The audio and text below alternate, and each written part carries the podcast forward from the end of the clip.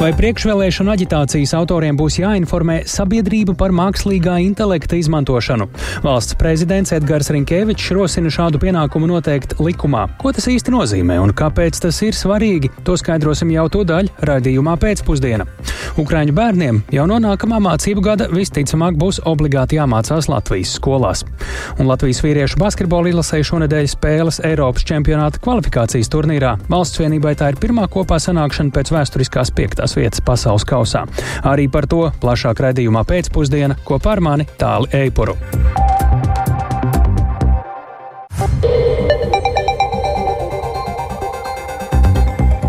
Pulkstenis ir 16,5 minūtes, skan pēcpusdienas ziņu programma, skaidrojot šodienas svarīgus notikumus. Studijā Tālis Eipurs.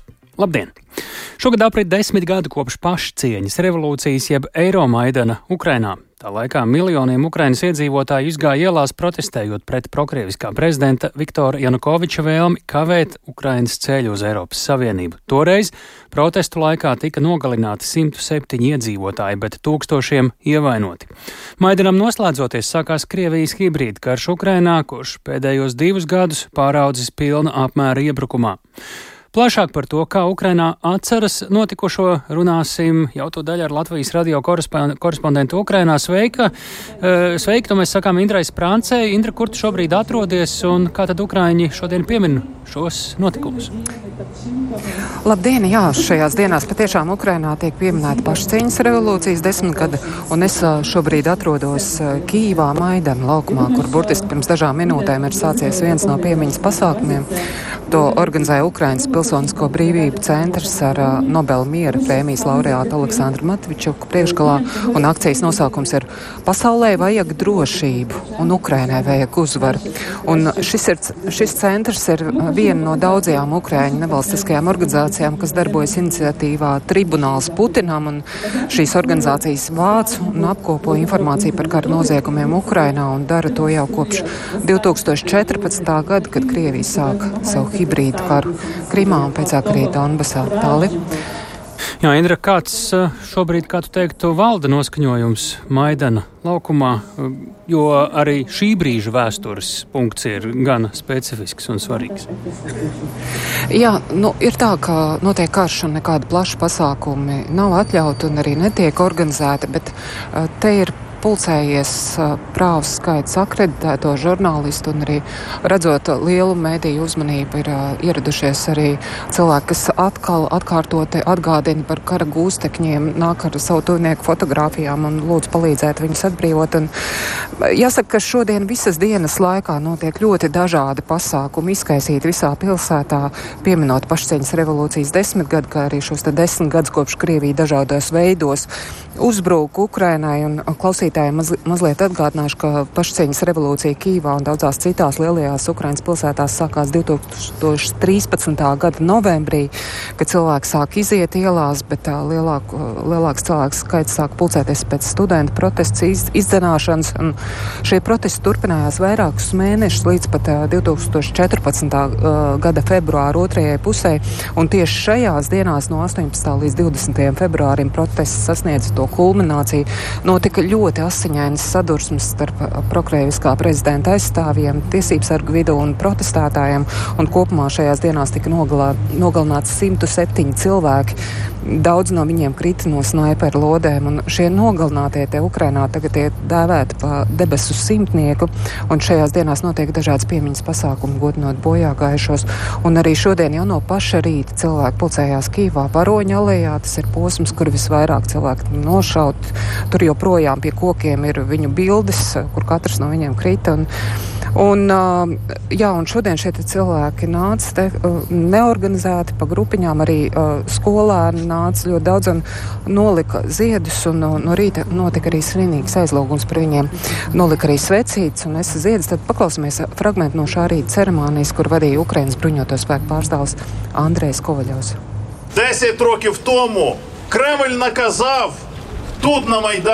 Pirms desmit gadiem Kremlis pavēlēja savām marionetēm nošaut labākos Ukrainas vīriešus un sievietes kuri šeit Maidanā aizstāvēja mūsu tiesības uz mūsu civilizēto izvēli, kas cīnījās par Ukrainas neatkarību un brīvību. Borolēs za ukraiņu nezelēšņību un svobodu.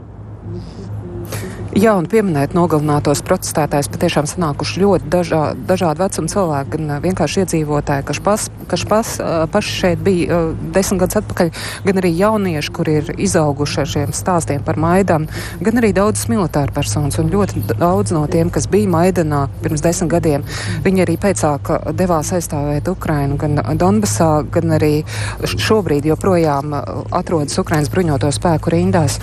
Un es arī šodien uzvēru uzvaicāju cilvēkiem, ar kādām sajūtām viņi šodien ir atnākuši šeit uz Varoņa alēju un paklausīsimies atbildes. 18-го мене там на, розстрілювали, е, пулі летіли по голові. 18. pa mani tur šāva. Lodes lidoja pār galvu. Ar tādu vēju lodes lidoja, lai jums nekad tā lodes nelidotu. Mēs uzvarēsim. Ukraina būs. Mums ir draugi. Ir Lietuva, ir Latvija, ir Igaunija un daudzas citas pasaules valstis, kas palīdz tiem, kas iet uz priekšu. Un Ukraina iet. Un ir tik patīk, ka mums ir tik daudz draugu. Toreiz man bija 60 gadi, tagad 70. Gribu sev padzīvot un ieraudzīt mūsu uzvaru. Es ticu, ka tāda mums būs. Desmit Desmit gadi mums ir paskrējuši kā viena diena. Tie ir mūsu cīņas gadi. Росія 10 років тому почала на цьому місці агресію. Krievija pirms desmit gadiem šajā vietā sāka agresiju, un desmit gadus Ukrainas tauta cīnās ar šo agresiju. Kad es redzu, ka mēs pēc desmit gadiem joprojām pieminam pašcieņas revolūciju un debesu simtnieka varoņus, esmu pārliecināts, mēs uzvarēsim. Герої Небесної Сотні, я переконаний, що ми переможемо. Jā, un šie piemiņas pasākumi turpinās arī tagad. Te pašā Maidana laukumā ir sācies tāds kā teatrāls uzvedums un arī dzējas skan. Un tāpat ir šodien arī atklātas, šajās dienās ir atklātas vairākas izstādes, un, kurās stāsta par šiem Ukrainai ļoti nozīmīgiem notikumiem pirms desmit gadiem, un kad tauta apvienojās jautājumā par Ukrainas nākotni tieši Eiropas valsts saimē, nevis Krievijas sabiedroto pulkā. Tālāk. Paldies, tā Indra Sprānce tiešraidē no Maidana laukuma Kijivā desmit gadus pēc pašcieņas revolūcijas jeb Eiro Maidana Ukrainā. Bet Latvijā šobrīd esošajiem ukraiņu bērniem jau no nākamā mācību gada visticamāk būs obligāti jāmācās Latvijas skolās. Līdz šim liela daļa ukraiņu bēgļu bērnu turpināja mācības attālināti savās skolās Ukrainā. Taču nevalstiskās organizācijas jau ilgstoši uzsvērušas, ka ukraiņu iekļaušanai Latvijas sabiedrībā ir būtiski viņus iekļaut arī izglītības sistēmā, kā tas jau notiek kaimiņu valstīs. Vairāk Paulas Dēvicis ierakstām. Latvijas skolās šobrīd mācās vairāk nekā 3,5 tūkstoši ukrāņu, taču vēl 4 tūkstoši mācās attālināti Ukrainas izglītības iestādēs. Olga ar dēlu uz Latviju atbrauca kara sākumā. No sākuma dēls mācījās attālināti, jo ģimenē cerēja, ka karš neievilksies. Tad dēls mēģināja iet kādā Latvijas skolā, taču valodas zināšanu dēļ tas bija par grūtu. Es gribēju, lai viņš pabeidz 9. klasi mūsu skolā, un pēc tam viņš mēģināja. Viņš mācījās pusgadu un tad aizbrauca uz Ukrainu, lai pabeigtu 9. klasi. Lieta tāda, kad viņš sāka iet skolā, viņš neko nesaprata. Saprotiet, kā viņš var mācīties ķīmiju, nezinot valodu. Nebija iespējas komunicēt, lai viņš kaut ko saprastu. Nebija kaut kāda iespēja komunikācijai, lai viņš kaut ko nepaņemtu. Tagad Olga meklē iespējas dēla latviešu valodas zināšanas uzlabot, lai varētu viņu no nākamā mācību gada sūtīt kādā Latvijas skolā. Iespējams, no septembra tā būs obligāta prasība arī citiem Latvijā dzīvojošiem ukraiņu bērniem. Izglītības un zinātnes ministrijā šobrīd plāno mainīt esošo kārtību, kad ukraiņi paši var izvēlēties, kur mācīties. Ministrijā plāno pielāgoties kaimiņu valstīm, kuras noteikušas izglītošanos kādā no valsts skolām kā obligātu. Dati rāda, rāda, ka kopumā ar Ukraiņu iekļaušanu sabiedrībā kaimiņiem veicies daudz labāk nekā Latvijai. Turpina ministrijas parlamentārā sekretāre Silvija Reinberga. Šeit arī bija ļoti svarīgi dzirdēt tieši no Ukrāņu pārstāvjiem, ka viņi to absolūti atbalsta, ņemot vērā, ka Ukrāņu ģimenēm ir jāintegrējas mūsu sabiedrībā, viņiem ir jābūt redzamiem mūsu sistēmās, un lai mēs varētu tiešām parūpēties par to, ka neviens bērns Latvijā nav tā teikt neredzams vai kaut kur sistēmā pazudis, tad mums ir ļoti svarīgi, lai mēs viņus paši ieintegrētu mūsu izglītības iestādēs, mēs varētu pārliecināties par viņu gūtajām zināšanām, ka viņi ir sveiki, veseli, viņi ir drošībā sabiedrībā. Tāpat šis process palīdzēs Ukraiņiem apgūt latviešu valodu un potenciāli nākotnē atrast darbu. Tas atslogos arī vecākus. Reinberga stāsta, ka ideālā variantā grozījumi varētu stāties spēkā jau no nākamā mācību gada. Taču šobrīd ir grūti prognozēt, vai tā notiks, jo darāmā esot daudz. Pašlaik ministrijā identificē, kādi grozījumi nepieciešami normatīvajos aktos. Priekšā arī sarunas ar sociālajiem partneriem. Iespējams, prasība būt reģistrētam Latvijas izglītības iestādē iestāsies pēc konkrēta Latvijā pavadīta perioda, līdzīgi kā tas ir Lietuvā. Noteiktais laika periods varētu būt 3 līdz 12 mēneši. Organizācijā gribu palīdzēt bēgļiem novērtē izglītības ministrijas gatavību šo soli beidzot veikt. Tomēr arī atzīst, ka priekšā vēl daudz darba.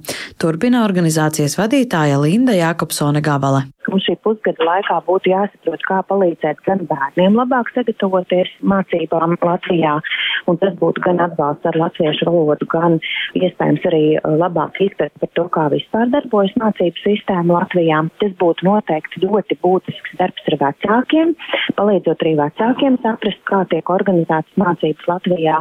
Tāpat uh, mēs uzskatām, ka ļoti nozīmīgi ir domāt par pedagoģu palīgiem. Gavale uzskata, ka nopietni pievēršoties šim jautājumam, jautājumam ir iespējas izmaiņas panākt līdz šī gada septembrim. Izglītības kvalitātes valsts dienests ir sācis apzināt, kurās pašvaldībās kādi ukraiņu bērni dzīvo un kādas ir viņu vajadzības. Gavale uzsver, ka svarīgi arī pārņemt starptautisko pieredzi ceļā uz šīm pārmaiņām. Izglītības ministrijā atzīst, ka visticamāk pārmaiņu īstenošanai būs nepieciešams arī papildu finansējums gan izglītības iestādēm, gan citām iesaistītajām pusēm. Paula Dēvica, Latvijas Latvijas radio. Ne tikai bērni un jaunieši, tātad, bet arī pieaugušie divu gadu laikā kopš Krievijas iebrukuma ir meklējuši savu vietu Latvijā, un vairāk nekā gadu Latvijā darbojas ukrainietis Olgas restorāns Green Pumpkin UA, un nepilnu mēnesi ir iespējams apmeklēt arī ukrainietis Irinas kafejnīcu Smakoliki.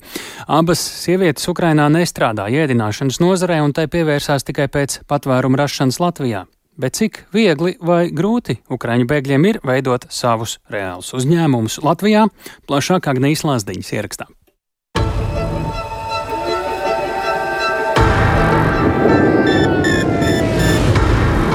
Ukraiņai ir jāuzvar, un ar Ukraiņas uzvaru divi gadi kopš Krievijas pilna mēroga iebrukuma Ukrainā. Rīgas ziemeļu rajonā Pētersalas Andrejsalas apkaimē atrodas neliels, taču visai mājīgs mūsdienu ukraiņu virtuves restorāns Green Pumpkin, jeb latviskojot zaļais ķirbis, kas atvērts 2022. gada oktobrī. Это не было осознанное решение. Вот я приеду и открою ресторан. Tas nebija apzināts lēmums. Es tagad atbraukšu un atvēršu restorānu. Tā bija notikuma sakritība.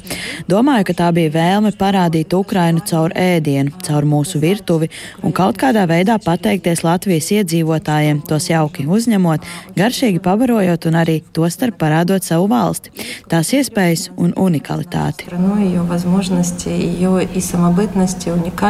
Tā stāsta restorāna vadītāja Olga Škurko. Tiesa Ukrainā Olga nav nodarbojusies restorānu biznesā, bet gan būvniecībā, tirgojot būvmateriālus vairumā. Arī pārējais restorāna kolektīvs, kas sastāv no septiņām ukraiņu sievietēm, daudzas apmācības uzsākušas līdz ar restorāna atvēršanu, piemēram, restorāna pavāra ir matemātikas un informātikas pasniedzēja.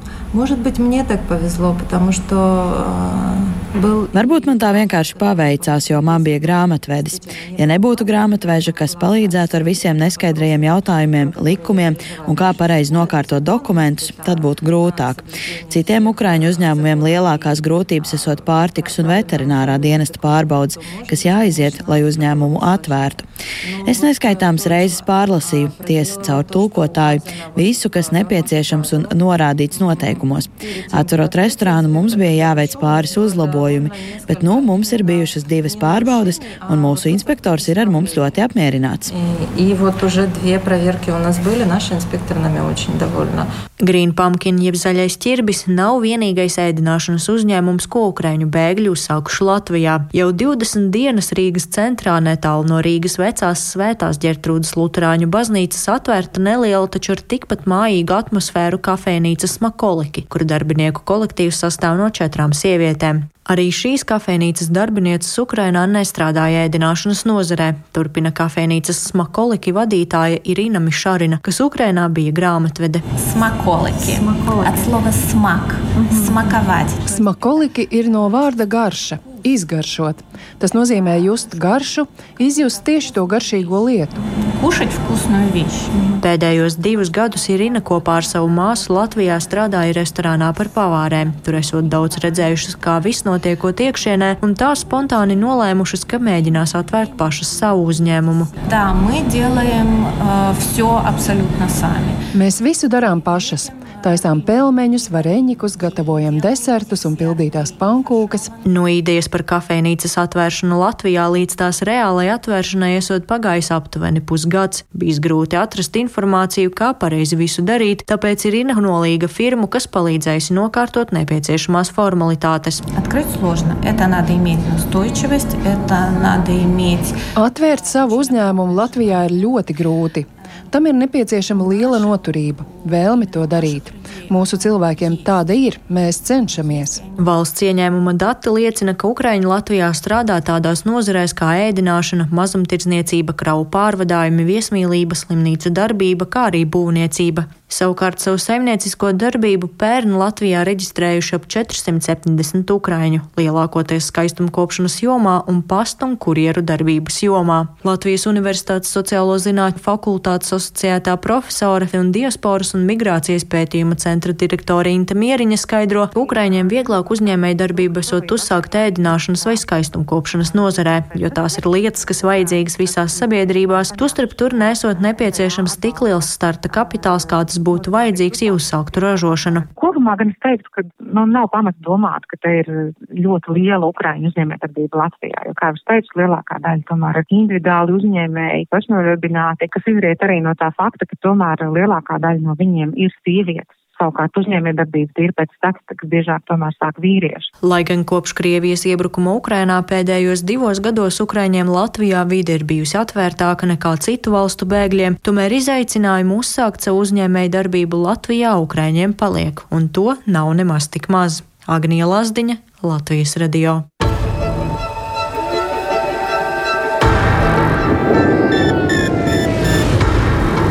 Ukrainai ir jāuzvar, un ar Ukraiņas uzvaru divi gadi kopš Krievijas pilna mēroga iebrukuma Ukrainā.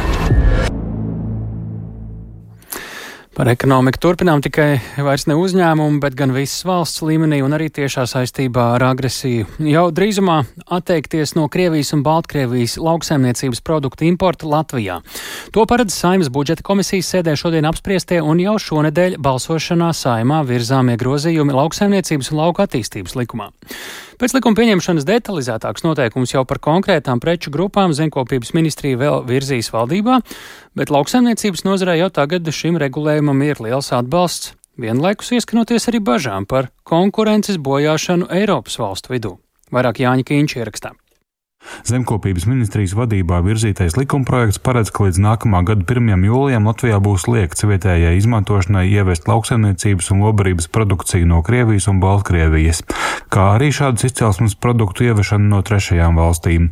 Liegums attieksies uz pārtiks un lobarības graudiem, kaltētiem zirņiem, kukurūzu un citiem produktiem.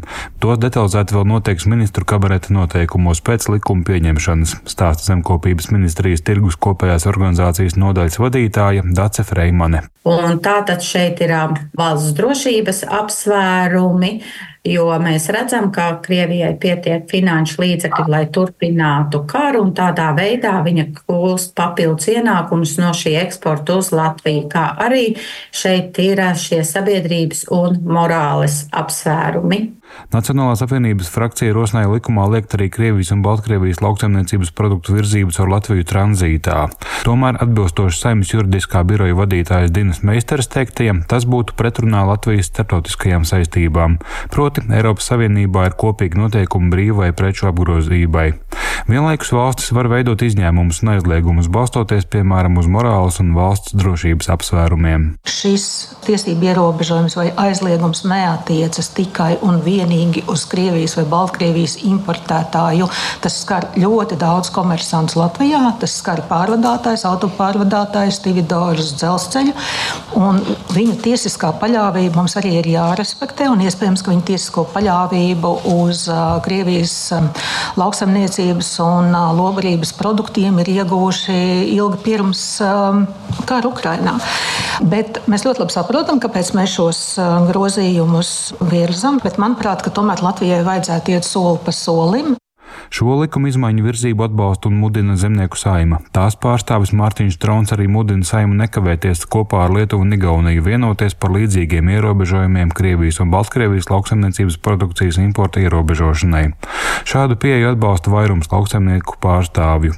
Turpina piensaimniecības fermas mazdzērvītes vadītājs Jānis Ločmelis. Mums tas būtu bijis jāizdara jau pirms diviem gadiem, un mēs sevi nevaram salīdzināt ar Spāniju, Itāliju vai jebkurām citām Rietumē Eiropas valstīm, jo mums sevi ir jāuztver kā tiešās agresoru valsts tūmā esoša neliela valsts. Mēs esam arī NATO valstīm šī robeža šķirtne starp Krieviju, bet jāparāda citiem šī priekšzīme, ka mēs saprotam šo situācijas nopietnību. Šādi ierobežojumi gan nozīmēs konkurences skropļošanu, nekavējas norādīt Latvijas cūkaudzētāju asociācijas vadītāja Dzintra Lēniece. Ļoti ir jāpārdomā, kāda ir mūsu konkurētspēja, jo mums ir jākonkurē Eiropas kopējā tirgu, nevis Latvijas tirgu. Ja pārējā Eiropa un Eiropas dalība valsts turpinās lietot šos te Krievijas eh, izcelsmes eh, lobarības izēvielas, tad uh, mēs padarīsim sev nekonkurētspēju.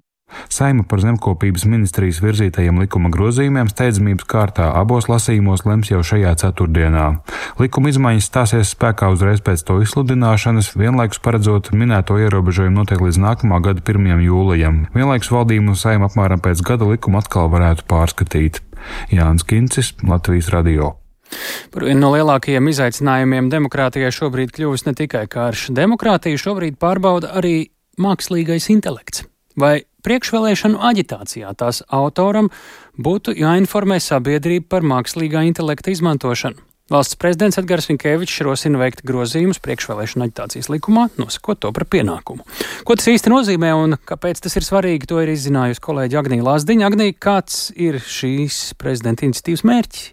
Galvenais mērķis ir pavisam vienkārši veicināt caurspīdīgumu, lai vēlētājiem būtu pilnīgi skaidrs, ka materiāls veidots ar mākslīgā intelekta palīdzību.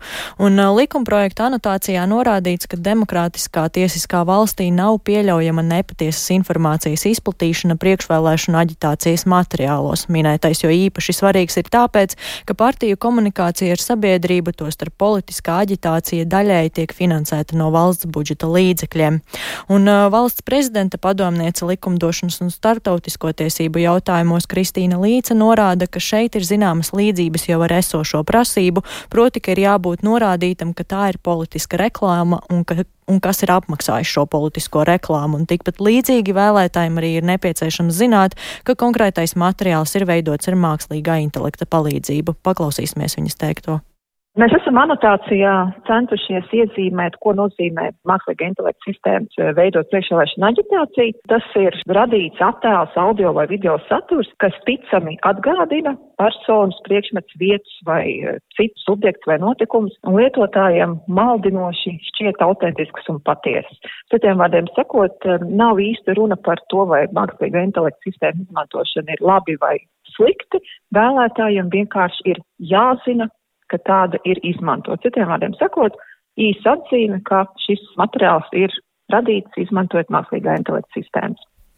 Kā galveno apdraudējumu līdz uzsver vēlētāju iespējamo maldināšanu vai to, ka vēlētājs var kļūdaini uz, uztvert kādu mākslīgi radītu realitātes attainojumu par ticamu, kas attiecīgi arī grauj vēlēšanu leģitimitāti un rada šaubas par to ticamību.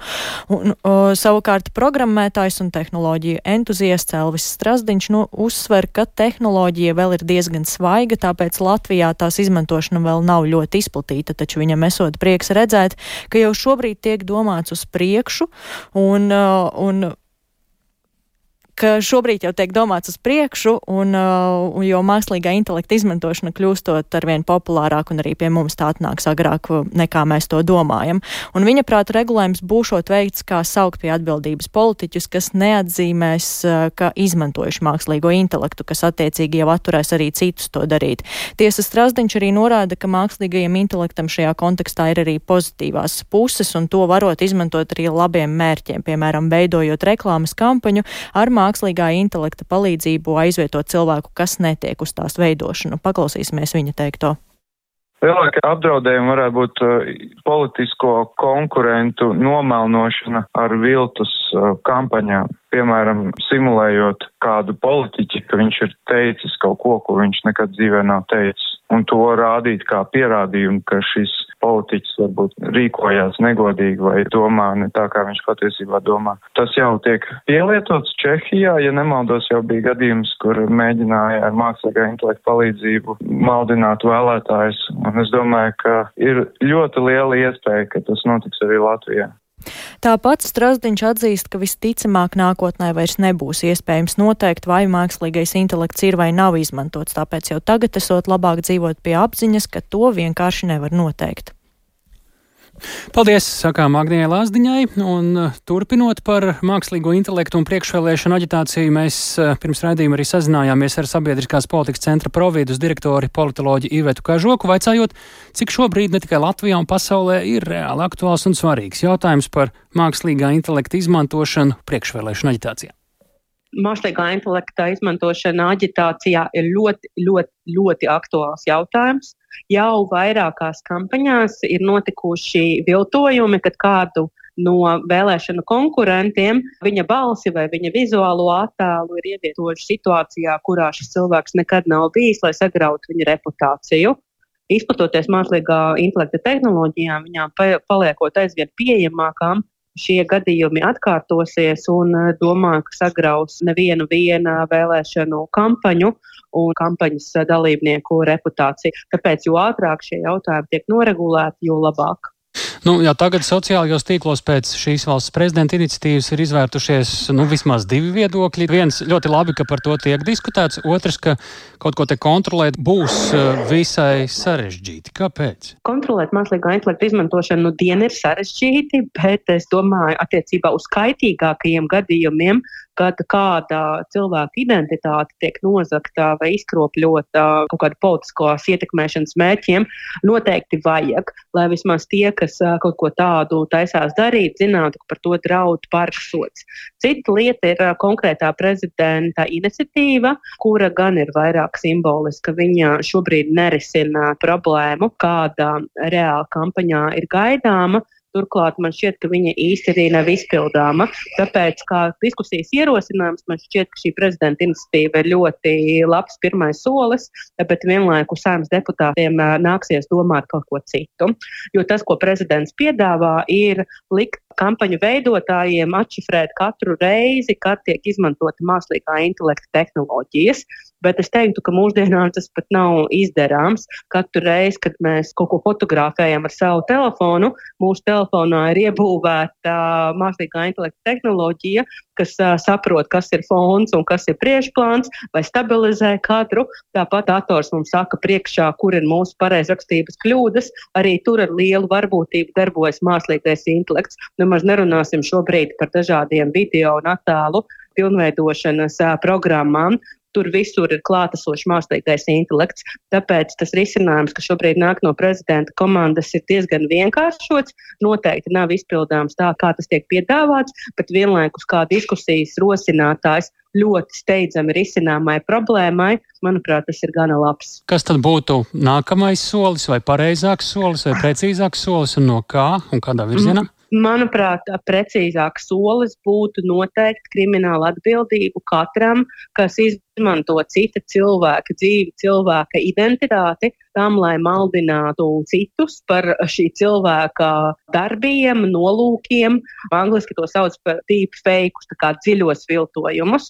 Tā ļoti kaitīga parādība, galvenokārt vēlēšanu kontekstā, bet ne tikai. Tas var notikt arī tīri, lai izkrāptu naudu. Un, taksim, iedomājamies, ka mums pazvana vai video zvans atnāk no cilvēka, ko mēs labi pazīstam ar viņa vizuālo attēlu un ar viņa balsi un liek mums pārskaitīt kaut kādu naudu uz šī cilvēka kontu, jo cilvēks nonācis nelaimē. Par šādu veidu krāpniecību, manuprāt, sodiem ir jābūt stipri augstākiem nekā par cita veida krāpniecību. Un tad, ja šāda veida metodas tiek liktas lietā priekšvēlēšanu laikā, lai ietekmētu vēlēšanu rezultātus, tiem sodiem nav jābūt mazāk bargiem. Šis būtu pirmais solis, pēc iespējas ātrāk ieviest ļoti bargus sodus par mākslīgā intelekta tehnoloģiju izmantošanu ļaunprātīgiem mērķiem, nozogot citu cilvēku identitāti.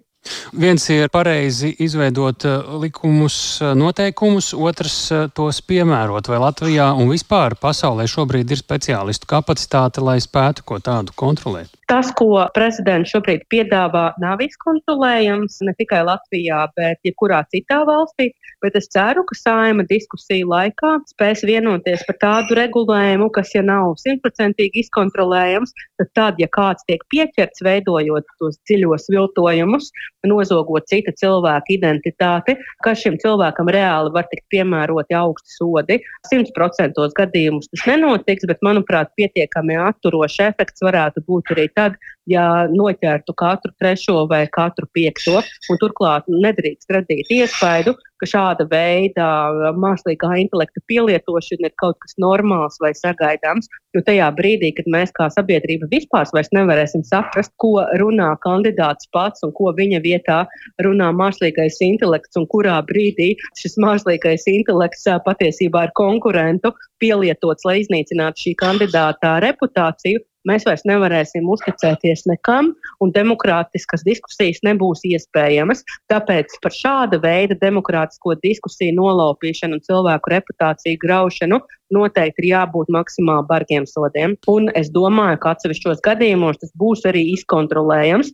Agri vai vēlu būs iespējams arī noteikt, kas konkrēti ko šādu ir um, izdarījis.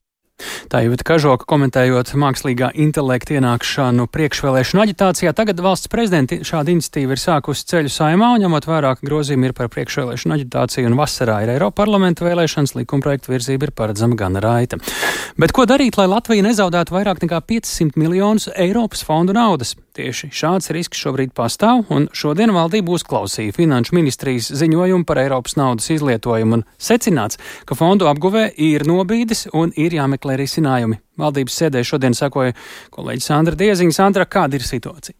Jā, tā ziņojumā uzsvērts, ja netiks pātrināts Eiropas Savienības fondu 2021. 2027. gada perioda investīcijas, Latvija var zaudēt Eiropas finansējumu. Ziņojumā arī teikts, ka pat laban, lai līdz 2024. gada beigām sasniegt plānotās investīcijas, satiksmes ministrija nav izpildījusi plānu par 833 miljoniem eiro izglītības un zinātnes ministrija par 234 miljoniem eiro, bet ekonomikas ministrija par 164 miljoniem. Kādas ir problēmas? Klausāmies finanšu ministra Arvila Ašarādena no jaunās vienotības teikto. Pamatā problēmas ir divas. Tā viena ir tāda, ka mēs būtiski šogad pātrinājām fonda investīciju tempu. Ja pagājušajā gadā tas apjoms bija 1,1 miljārds eiro, tad šogad mēs plānojam līdz pat 1,6 miljārdiem eiro. Ja pagājušajā gadā veidojās kavējumi ar dažādiem projektiem, droši vien zināms, tā kā ir satiksmē vilcieni un stradiņas slimnīca un tā tālāk. Tad šogad mēs vēlējamies, nu, zinām, mērā mobilizēt ministriju darbu, lai pātrinātu šo te tempu. Jā, finanšu ministrs man arī skaidroja, ka šobrīd no ministrijām saņemt pieteikumu vairāk nekā 500 miljonu apmērā no Eiropas fondu investīcijām, un tuvākajā laikā pilnībā tikšot nomainīt līdz šim, esošā stratēģija, kas kavē fondu apgūšanu. Turpmākā situācija būs atkarīga no ministrijas spējas strādāt ar Eiropas fondu investīciju programmām. Valdības sēdē ekonomikas ministrs Viktors Valainis no Zaļo un Zemnieku savienības sacīja, ka valdībai regulārāk jāseko līdz investīciju plāna izpildēji. Viņš arī rosināja ministrus biežāk atskaitīties par progresu, kam citi ministri gan nepiekrita. Vienlaikus ministri vienojās, ka jābūt lielākai elastībai no ierēģņu puses. Lūk, ko valdības sēdē sacīja satiksmes ministrs Kaspars Briškens no progresīvajiem. Es runāju pārstāvot nozari, kur nu, nav gluži čempions apguves ātrumā un apjomā, bet līdz tai lāpstas iedošanai zemē nu, ir ļoti garš process ejams. Lai to elastību uzlabotu, viens ir tas, ka mēs politiski uh, uzliekam prioritātes un tad mēģinām viņas realizēt. Otrs ir tas, paskatīties, kā mēs visu šo procesu gan no publisko iepirkuma perspektīvas, gan no pārplānošanas perspektīvas uh, varam pātrināt. Pretējs elastībai ir Eiropas Savienības uh, plānošanas līmenis. Vienu konkrētu piemēru Real Baltica projektā tūlītās sāksies nu, patiešām tās nozīmīgās apgūves. 25. un 27. gads, ka mums būs naudas plūsmas uh, problēmas. Bet, ja mēs paskatāmies uz eh, ANM finansējumu, lai viņu pārdalītu Real Baltikai, piemēram, tos līdzekļus, ko mēs zinām, ka piemēram, citi resorti neapgūs. Bet Eiropas Savienības birokrātiskais ietvers, šīs uh, divu gadu ilgās saskaņošanas, faktiski mums liedz šādu elastīgu spēju reaģēt. To teica satiksmes ministrs Kaspars Briškens. Lūk, tā. Nu, Sandra, kādi tad ir izskanējušie vai un iespējamie piedāvātie risinājumi? Jā, tā Finanšu ministrija gan norāda, ka informācija ir nevis par finansējumu zaudēšanu, bet gan par naudas plūsmas plāna nobīdi. Provizoriski ap 500 miljoniem eiro 2024. gadā gadījumā, ja realizējas nozaru ministrija iesniegtās Eiropas Savienības fondu ieguldījumu prognozes. Būtībā projekta ieviešana tiek pārcelt uz turpmākajiem gadiem. Kāpēc valdības sēdes sacīja premjera Evika Siliņa no jaunās vienotības pašlaik fondu apguvēja nobīts un jāatrod veids, kā atrast labus risinājumus, lai Latvijai nerastos finansiāli zaudējumi. Lielāka elastība tiek gaidīta arī no Eiropas komisijas. Paldies Sandrai Dieziņai tik tālu par Eiropas naudu, bet uh, tagad par Eiropas basketbolu.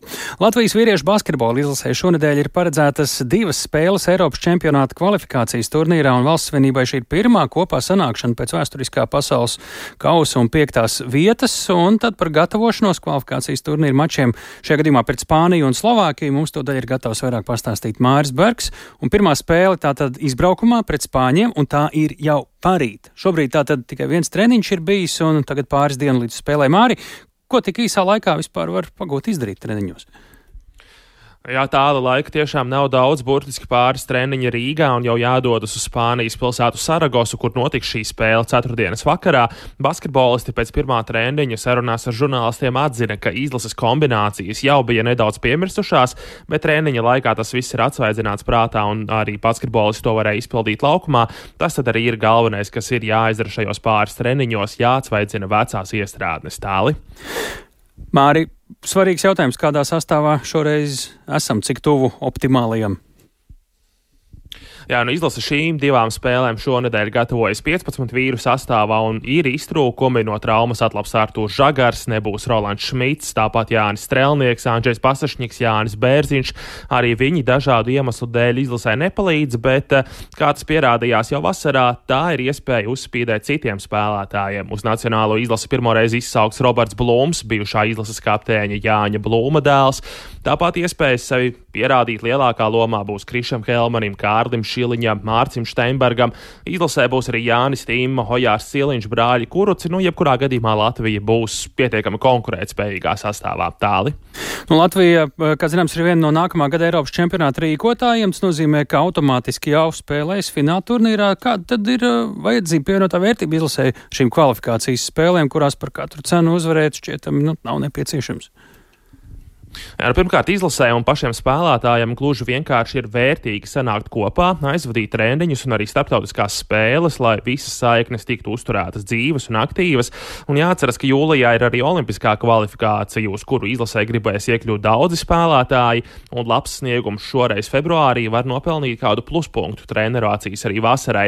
Kā izteicās viens no komandas līderiem, Rihards Lomašs, kurš atlabis pēc ceļgala krustinisko saišu traumas, atbraucot uz izlasi visiem spēlētājiem. Visi viss ir skaidrs un komanda katrā spēlē atdodas maksimāli, lai cīnītos par uzvaru. Klausāmies Rihardu Lomažu. personīgi es.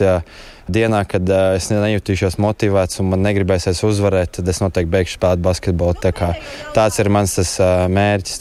Es gribu uzvarēt katru spēli, un tīpaši šeit Rīgā pie izpārdotas arēnas. Tas, būt, uh, nu, tas ir neiespējami. Pat ja tu atnāc negatavs ģērbtuvē, tu iznāc te un ir pilna arēna, tu būsi gatavs. Visi grib uzvarēt, visi grib spēlēt. Tā te kaut kur mēļo, ka tie FIBA ranking punkti ir svarīgi. Jā, un arī komandas galvenais treneris Luka Banki ģērbtuvēs visur salicis pa plauktiņiem. Klausāmies! Another reason to be prepared because, you know, now Mums ir vēl viens iemesls būt sagatavotiem, jo mēs vairs neesam pelnušķītas stāsta komanda kā pasaules kausā, kur neviens negaidīja, ka varēsim spēlēt ar tik spēcīgu komandu kā Spānija. Tagad cilvēki Spānijā sagaida, ka viņi šajā spēlē mums atriepsies. Mums kā komandai visiem vēlreiz jāpierāda, ka neesam mirkļi uzplaiksnījums. Jāparāda, ka mums ir stabilitāte un ambīcijas noturēties šajā neticamajā līmenī, kuru esam sasnieguši. This, uh, incredible level we achieved. Tālāk Latvijas īlases galvenais treneris Luka Banki. Tāli. Paldies, Mārija! Tik tālu ziņu raidījums pēcpusdienā. To veidojām mēs Tāls Eipurs, Ilzāginta, Ulds Grimbergs un Ernests Valts Fjodorovs. Tiekamies atkal rīt kā katru darbu dienu pēc ziņām 16 un 5 minūtēs.